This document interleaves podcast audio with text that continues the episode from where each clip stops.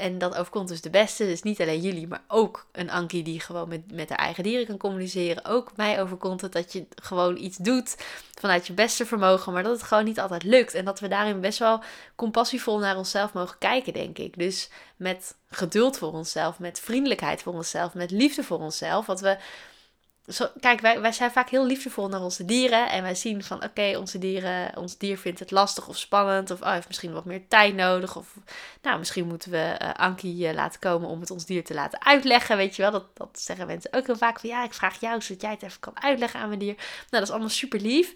Maar heel vaak zijn we dan helemaal niet zo lief voor onszelf. Heel vaak zijn we dan juist naar onszelf heel kritisch en heel streng. En um, um, voor onszelf moet het in één keer goed gaan, snap je?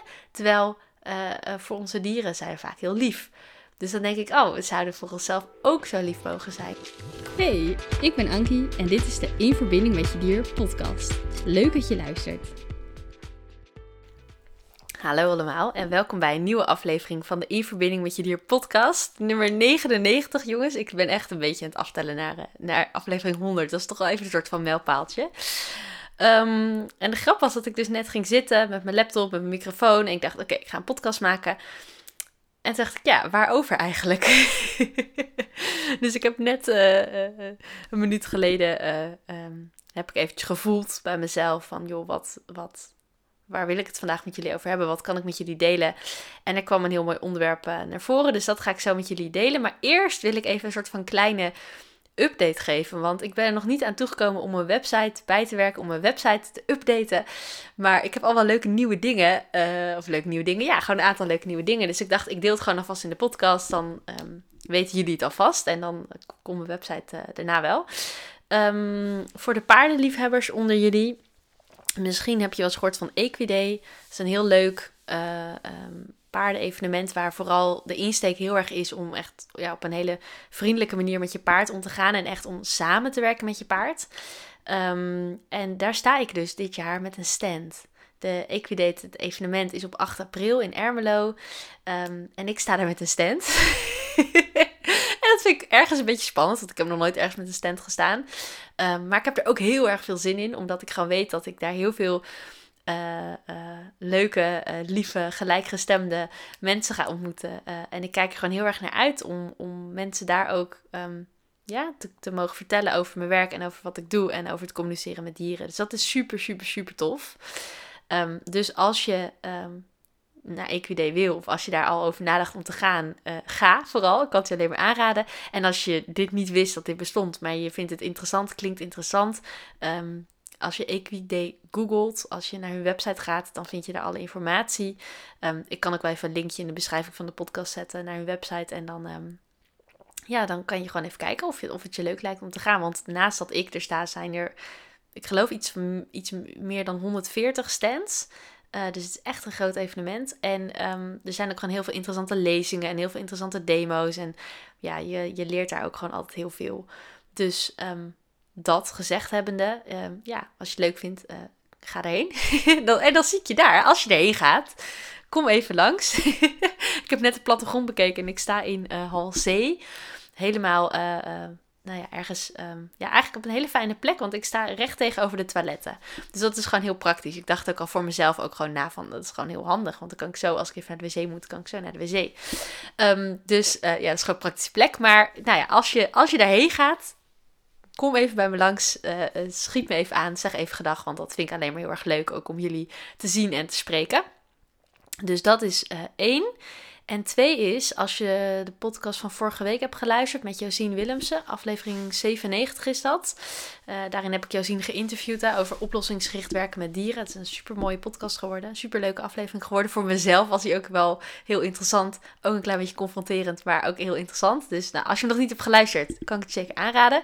Um, en daarin vertelden we het al een beetje, maar um, ik ga dus ook... Ik, ik, ik geef al cursussen in communiceren met dieren. En dat is vaak online. Dus dan um, ga ik met mensen video bellen. En dan doen we eigenlijk een soort van privéles. Dus ik werk gewoon. Nou ik werk gewoon met één persoon. En dat is heel chill, want daardoor heb ik alle tijd en aandacht. En kan ik je gewoon heel goed begeleiden. En kan ik je um, ja, eigenlijk alle, alle tips en tools meegeven. En jou echt leren om zelf met je dier te communiceren. En via videobellen is een hele handige manier, omdat de locatie dan niet uitmaakt. Kijk, ik woon in Friesland. Um, en ik kan die cursus geven aan mensen die in Brabant wonen. Ik kan die cursus, mensen, die cursus geven aan mensen die ergens, weet ik veel, in het midden of in het zuiden van het land wonen. Maar uh, ik, kan, ik geef hem ook aan mensen die uh, in het buitenland wonen. Dus dat is super leuk. Um, maar, of maar, niks maar. En um, ik vind het ook heel erg leuk om live cursussen te geven op locatie in groepen, omdat ik het heel erg leuk vind om uh, je, jullie ook te zien, zeg maar, in levende lijven. In levende lijven mee te maken. En in een groep is vaak ook heel leuk en heel leerzaam. Omdat je dan ook ervaringen met elkaar kunt uitwisselen. En ook weer leert van uh, elkaars vragen en leert van elkaars feedback. Dus dat is alleen maar heel interessant. Um, en dat ga ik dus ook doen. Dat mag ik dus ook gaan doen bij de de locatie die Josien heeft. Josien die woont uh, één dorpje verderop van de plek waar ik woon. Zij woont in Houlen en uh, zij heeft dus een hele mooie locatie.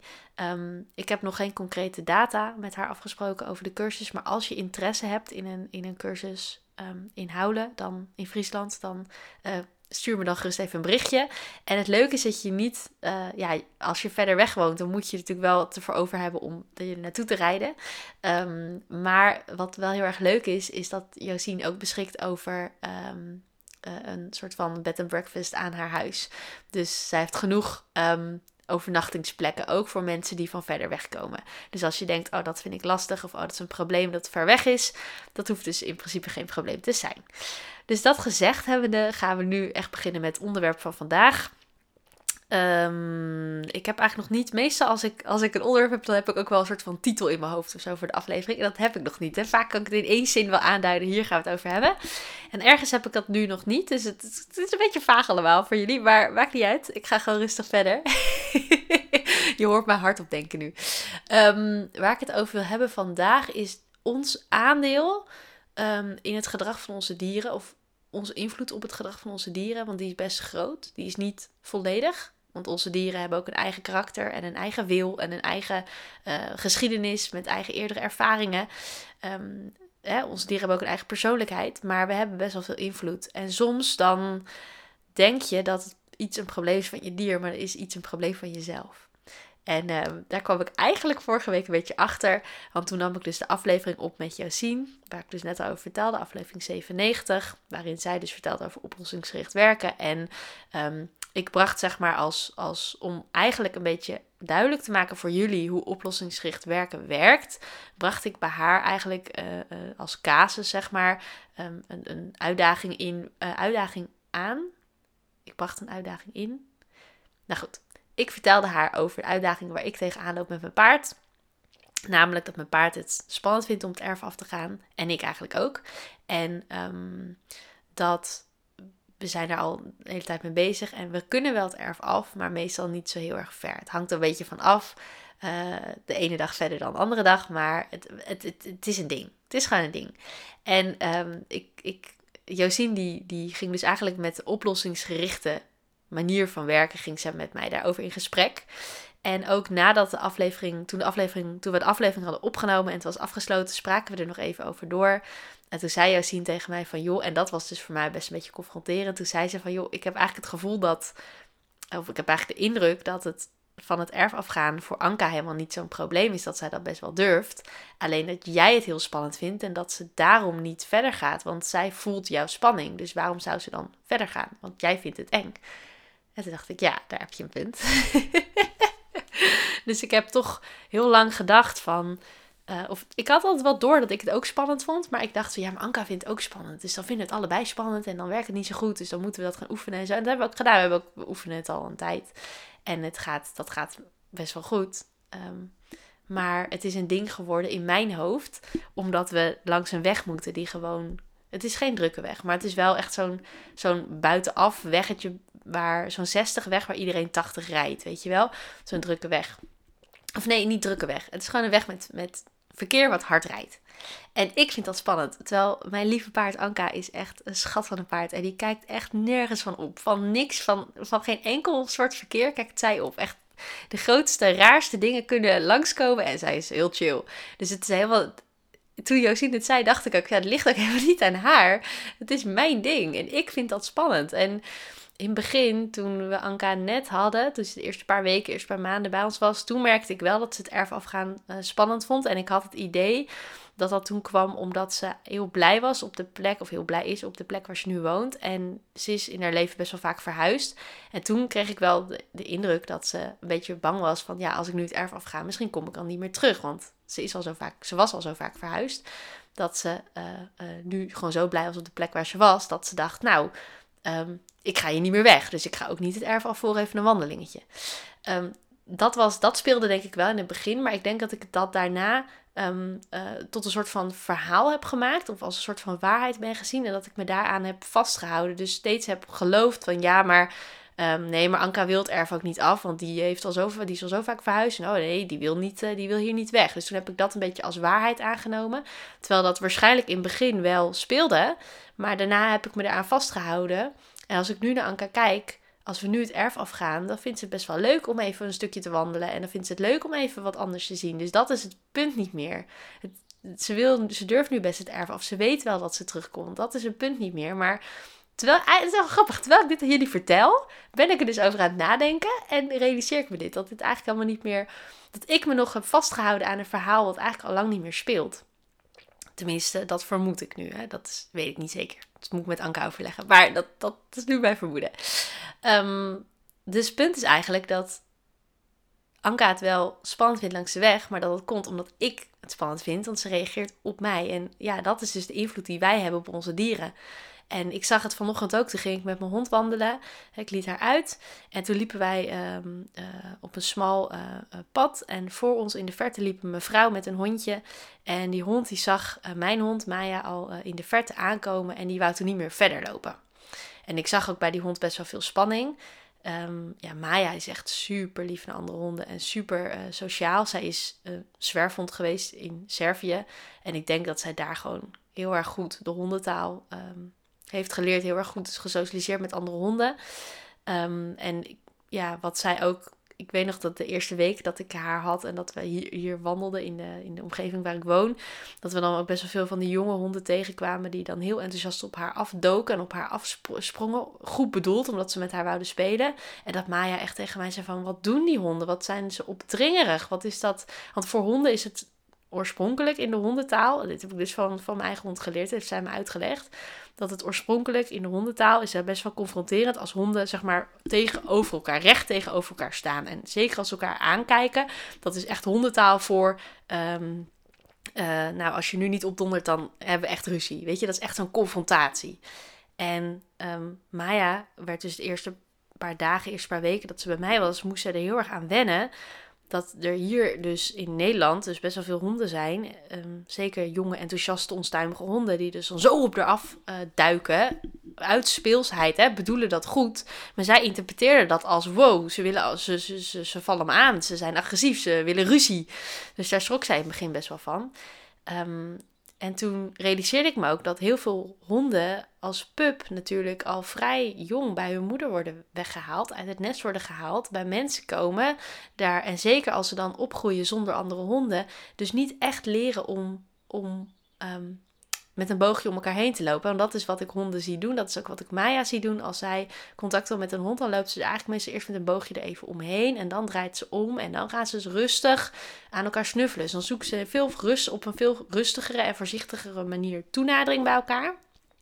Um, en dan gaat dat vaak gewoon wel heel goed. En dan is het vaak best een leuk contact dat daar ontstaat. Um, maar ik realiseerde me dat die jonge pups, op het moment dat die in een gezin komen of bij mensen komen die verder geen andere honden hebben, dan van wie moeten ze die hondentaal dan leren? Ja, eigenlijk van ons. Eigenlijk hebben wij dan als mensen de taak om die honden te leren, om andere honden op een rustige manier te benaderen, denk ik. Want, um, wat wil ik nou zeggen? Ik, ik, had een hele, ik had een heel duidelijk beeld van, oh ja, die kant wil ik op, maar ik ben het even kwijt. Uh, oh ja, ik weet het weer. Kijk, wat wij als mensen doen, als wij, zeker als wij een schattige pup zien, maar wat ik sowieso heel veel mensen bij honden zie doen, is daar recht op aflopen en gelijk willen aaien.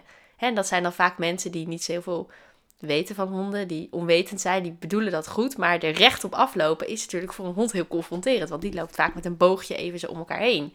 Dus um, wij, wij begroeten een hond vrij direct. Nou, een hond als pup leert dus, als hij dus niet verder geen andere honden om zich heen heeft, leert hij dus dus dat hij zo begroet wordt door mensen. Dus dat, hij ook, dus dat is het voorbeeld wat hij krijgt. Dus het kan best zijn dat een hond dan, en dit is dus mijn theorie hoor, maar het kan dus best zijn dat een hond dus leert om uh, gelijk op een ander af te rennen en er gelijk naartoe te gaan, omdat, uh, omdat dat het voorbeeld is wat wij als mensen hem geven.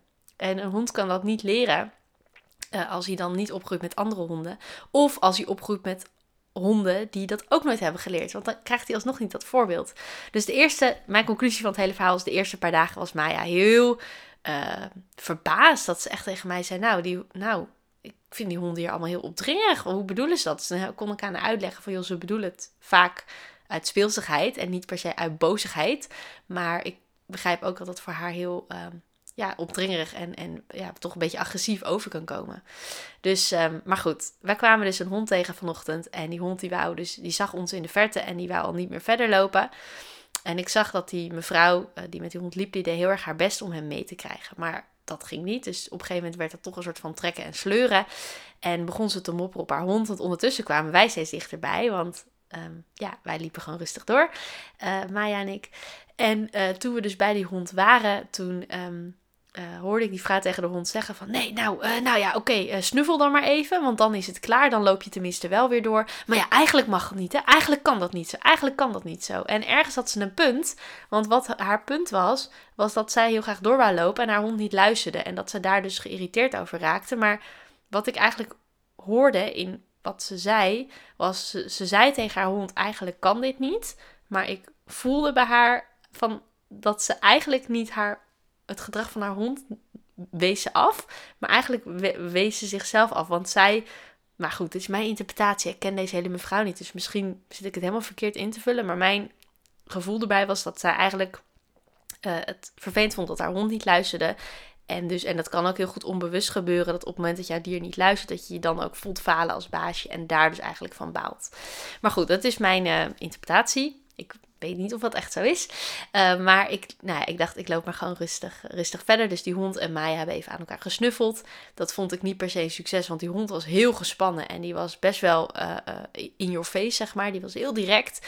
En ik zag aan Maya dat ze er ook best wel veel spanning van kreeg. Dus heb ze even aan elkaar laten snuffelen. En toen zei ik, Maya, kom, we gaan verder. Nou, Maya kwam lekker mee. En toen was dat klaar. Maar toen, ik dacht er nog even over na. Toen dacht ik, ja, die mevrouw bedoelt het heel goed. Die is echt vanuit haar alle macht aan het proberen om haar hond naar haar te laten luisteren. Nou ja, nou weet ik niet waarom die hond niet kon luisteren naar haar. En misschien had hij gewoon heel veel spanning. Misschien vindt hij andere honden gewoon een beetje spannend. Dat, dat weet ik niet. Maar wat, wat mijn punt dus eigenlijk is, is dat wij dus heel veel invloed op onze dieren hebben. En uh, dat die vrouw had al heel veel spanning bij voorbaat. Dat zag ik wel heel erg aan haar. Want ook toen we ze naderden, toen ging ze al naar mij roepen van of ik een... Vroeg ze, is het een dame of een heer? Eh, doelend op Maya. Van is het, uh, is het een, een, een, reu of een teef? Um, want heel vaak dan, of heel vaak, soms, soms dan heb je gewoon reuien die niet zo goed met andere reuien kunnen. Um, dus ik zei, nou, het is een, het is een deefje. Oh, oh, nou, toen kalmeerde ze wel een beetje. Maar ik zag van tevoren in ieder geval bij haar al heel veel spanning ontstaan. Bij haar hond al heel veel spanning ontstaan. En ik zag dat die vrouw vanuit haar alle, alle macht probeerde om het goed te doen. En om, om haar hond naar haar te laten luisteren. Maar dat wou allemaal niet. En daar baalden ze allemaal heel erg van. En toen dacht ik ook van ja, weet je. En dat was eigenlijk ook net toen ik dus voelde van joh, waar, waar wil ik het vandaag over hebben in de podcast? Wat kan ik met jullie delen? Wat mag ik met jullie delen vandaag? Um, soms dan we doen wat in ons uiterste vermogen ligt, maar soms dan lukt wat in ons uiterste vermogen ligt, maar soms dan lukt het gewoon even niet. En dat mag er zijn. Zelfs als wat ik dus net vertelde over het langs de weg lopen met Anka.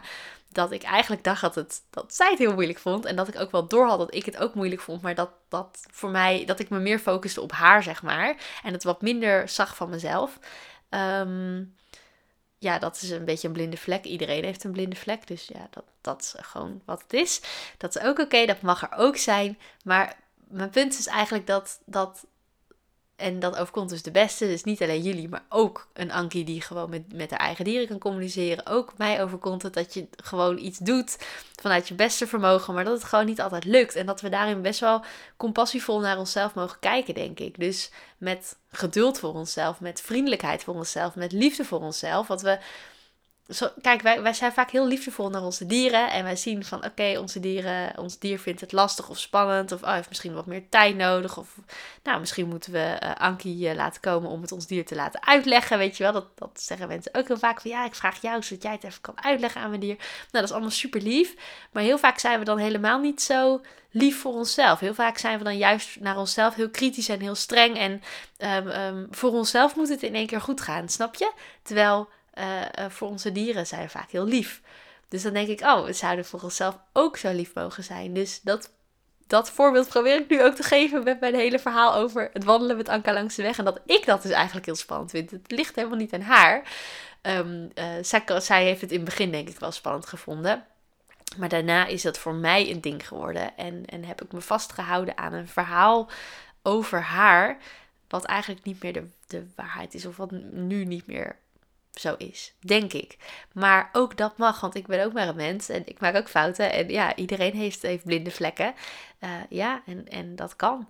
Dus moraal van dit hele verhaal is gewoon dat we best wel uh, uh, ja, met compassie naar onszelf mogen kijken. En daar met compassie om mogen gaan en dat we er niet van, ja, het mag wel, maar we hoeven er niet van te balen als iets niet lukt of als, als ons iets niet lukt, zeg maar. En het mooiste is als je met compassie naar je dier kan kijken en met compassie naar jezelf. Het mooie daarvan is, is dat je dan dus niet je, je frustratie van dat, dat het jou niet lukt, gaat afreageren op je dier. Zoals die beste mevrouw deed, die ik dus tegenkwam met haar hond, die dus op haar hond liep te mopperen. Van ja, dat kan eigenlijk niet. En nee, nee. Dus ze was echt aan het mopperen. Terwijl ik het idee had dat het eigenlijk meer over haarzelf ging dan over haar hond. Want haar hond deed gewoon wat hij deed. Maar goed, ik kan niet over oordelen, want ik ken haar niet en ik ken haar hond niet. Dus ik wil er ook niet over oordelen. Um, maar ja, weet je, want ik voelde ook dat zij het heel goed bedoelde en haar uiterste best deed. Maar ja, weet je, op het moment dat wij gewoon zien van hé, hey, we vinden dit zelf lastig, het gaat over ons, dan hoeven we dat niet meer op ons dier te projecteren, hoeven we dat niet meer op ons dier af te reageren. En dat scheelt denk ik een heleboel, want dat zorgt ervoor dat je veel liefdevoller en eerlijker met je dier om kunt gaan. En ik denk dat dat wel uiteindelijk is wat we, wat we allemaal willen. Dus um, ja, ik, ja, het is, het is goed. Ik ben klaar. Klinkt een beetje gek, maar dan, ik voel gewoon wanneer ik klaar ben. Ik voel gewoon wanneer ik mijn, mijn, mijn punt heb aangekaart. Wanneer ik mijn boodschap heb uh, over mogen brengen, over kunnen brengen. Dus uh, rest mij niks anders dan je te bedanken voor het luisteren van deze aflevering. Ook, ik hoop dat je er wat aan hebt en dat je er wat mee kunt. Deel me ook gerust met anderen als je dat de moeite waard vindt, als je dat leuk vindt. Um, ja, en dankjewel voor het luisteren. Want het is gewoon fantastisch dat ik op deze manier, via deze podcast, een, een podium heb om, om, om mensen en dieren te verbinden. En, want dat is natuurlijk uiteindelijk mijn hele missie. En om, um, ja, om, om dit soort liefdevolle boodschappen te mogen verspreiden. Het is echt gewoon heel cool om te zien uh, hoeveel mensen er naar de podcast luisteren. En nou ja, we gaan dus op naar aflevering 100. Dus de volgende aflevering, de 100ste aflevering. Uh, ja, ik hoop dat je ik hoop je, ja, ik wou zeggen, ik hoop je dan te zien of te spreken. Maar ja, dat zie ik zie je, spreek je natuurlijk niet. Um, maar je mag me altijd een berichtje sturen. Als je het leuk vindt, stuur me gerust een berichtje. Want ik vind het ook gewoon heel erg leuk om van jullie te horen. Um, uh, en uh, te horen wat jullie ervan vinden van de podcast. En, en ja, ik, ik word altijd heel blij van jullie berichtjes. Dus uh, laat die maar gewoon lekker komen. blijf daar lekker mee doorgaan. En um, ja, ik ik zie jullie niet, maar jullie, zien, jullie horen mij in de volgende aflevering, de honderdste. Yay! hey, fijne dag allemaal en uh, tot de volgende keer. Leuk dat je hebt geluisterd naar de In Verbinding met Je Dier podcast. Vond je nou interessant? Deel hem dan vooral met anderen en laat mij weten wat je ervan vond. Wil je nou meer inspiratie en tips ontvangen? Volg me dan ook op Instagram, dierencoachankie. Tot de volgende!